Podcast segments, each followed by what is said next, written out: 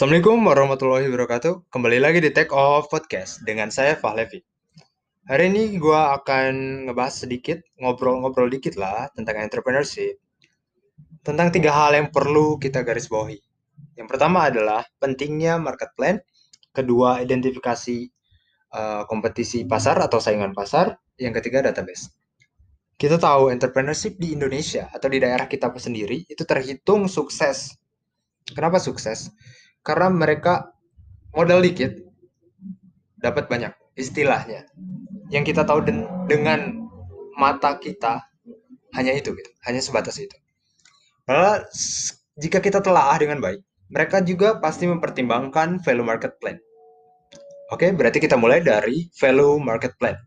Marketing plan yang sukses sama artinya dengan mempunyai bisnis yang sukses Marketing meliputi cara kerja yang luas seperti advertising, kegiatan promosi, public relation, and sales.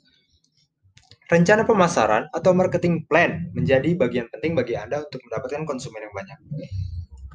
Bila marketing plan diremehkan atau tidak dibuat rencananya, kita tahu bahwa mungkin uh, bisnis kita bisa terhitung acak-acakan.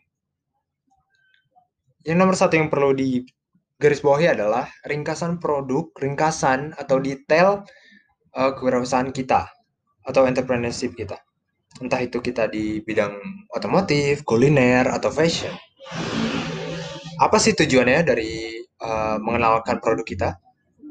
Agar eh, pihak-pihak uh, yang bekerja sama mungkin dan atau pihak-pihak yang ingin ingin join juga secara franchise atau apa pun itu mengerti tentang perusahaan Anda gitu mengerti bahwa oh arahnya ke sini. Oke, gue gue gue invest gitu. Atau oke, okay, kamu arahnya ke sini ke fashion, oke okay, gue beli gitu. Jadi agar mempermudahkan target consumer juga. Ya, berhubungan dengan target consumer, apa sih target consumer? Target consumer adalah ketika kita memiliki produk, kita harus tahu harus dipasarkan kepada usia berapa, gender apa, atau mungkin bisa terhitung negara apa sih? Atau lagi musim apa sih? Nah, itu. Jadi kita memutar otak lagi untuk uh, untuk kesuksesan penjualan produk kita. Anda, uh, dan juga Anda harus menentukan target customer pada marketing plan yang Anda susun. Semakin spesifik, maka semakin mudah juga untuk menarik perhatian target consumer Anda. Juga kalian harus ngejelasin nih unique selling gitu. Paparkan secara seksama beberapa keunikan pada produk maupun jasa yang Anda tawarkan.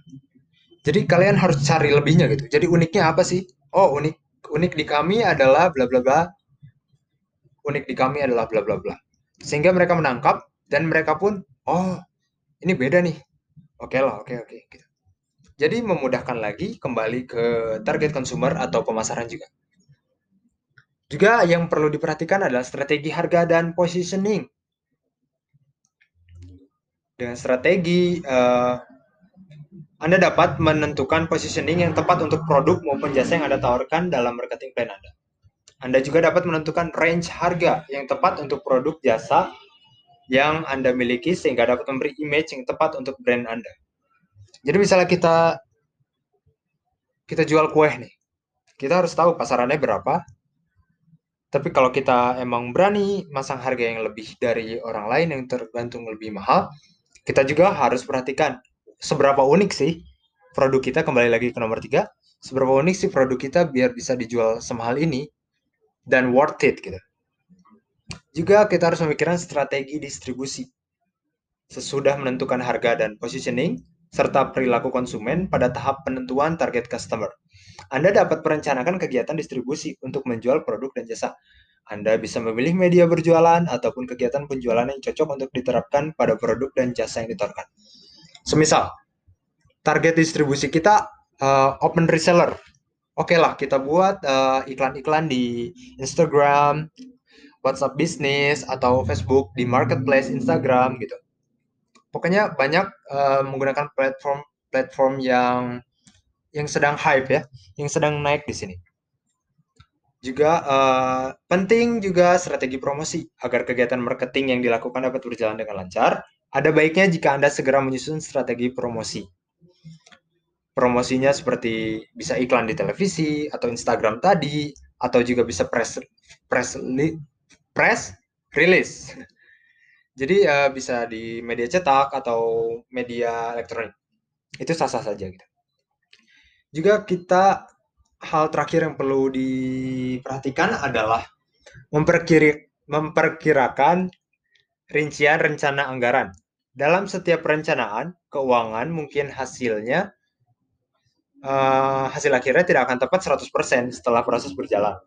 Namun dengan adanya perkiraan rencana anggaran pemasaran dalam marketing plan yang Anda buat, secara garis besar Anda akan mendapat gambaran mengenai rencana kegiatan yang akan Anda lakukan untuk satu periode tertentu atau satu event tertentu gitu. Jadi ketujuh hal tersebut uh, ketika kita ingin memulai uh, entah itu mengembangkan atau memulai uh, khususnya untuk yang memulai itu sangat sangat digaris bawahi sangat-sangat di disebut wajib karena kita harus belajar sesuatu dengan tersusun. Sekarang kita lihat dari identifikasi persaingan pasar. Penting nggak sih persaingan pasar? Oh penting dong. Seperti berkaitan lagi dengan unique selling uh, atau unik unik dari produk kita. Uh, persaingan misalnya kita jual air mineral, orang lain pun ada juga yang jual air mineral. Tapi kita harus cari bedanya. Entah itu kita dengan harganya yang bagus, kemasan yang bagus, atau rasa yang berbeda. Walaupun air mineral, tapi ada rasa atau apa pun inovasi terbaru dari Anda. Jadi harus menonjolkan hal-hal baru dan beda.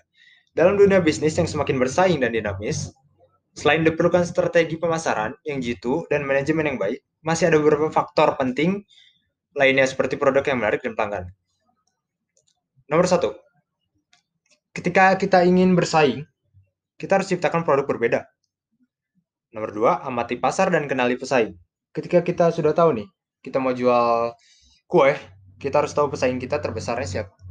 Bukan terbesar, maksudnya pesaing pasarannya kita ada siapa aja gitu. Dan kita analisis juga, analisis pasar dengan range-range harga atau jenis-jenis kue yang sedang ngetren gitu entah itu black forest atau brownies atau atau cheesecake mungkin hmm. juga uh, tawarkan harga yang bersaing kalau emang kita menggarisbawahi quality bahan-bahan yang kita beli juga nggak akan murah nah makanya di situ kita harus melakukan summary yang baik untuk pengenalan produk kita. Dan mungkin bisa menggunakan bisa menggunakan tester dulu gitu. Jadi kayak kita grand opening free tester gitu. Mungkin ketika mereka coba pasti mereka nanya wih enak nih. Harganya berapa? Oh harga kami segini pak. Loh mahal? Ya tapi uh, worth it sama sama rasanya sama kualitasnya gitu sama unik-unik sellingnya sama uh, produk berbeda kami itu worth it